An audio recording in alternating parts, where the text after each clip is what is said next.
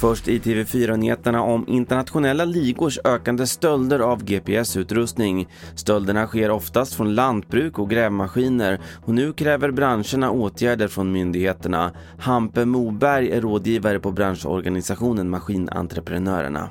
Det här med att stöldgods så lätt kan föras ut ur landet, det borde man kunna stoppa ganska omedelbart. Om man kan stoppa utförseln så stoppar du en en del av efterfrågan. En läkare på Mälarsjukhuset i Eskilstuna skulle undersöka levern på en kvinnlig patient men drog istället ner hennes byxor och förde in sina fingrar i underlivet. En händelse som nu har IVO-anmälts rapporterar Eskilstuna-Kuriren. Själv hävdar mannen att han på grund av egen entusiasm även ville undersöka urinblåsan. Läkaren var inhyrd och hans uppdrag avslutades efter händelsen.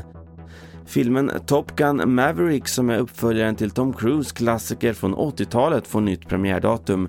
Filmen skulle ha haft premiär i sommar men nu får biopubliken vänta ända till november vilket i sin tur är ett år senare än det första planerade premiärdatumet. Men den som väntar på något gott. Det var senaste nytt från TV4 Nyheterna. Jag heter Carl-Oskar Alsen.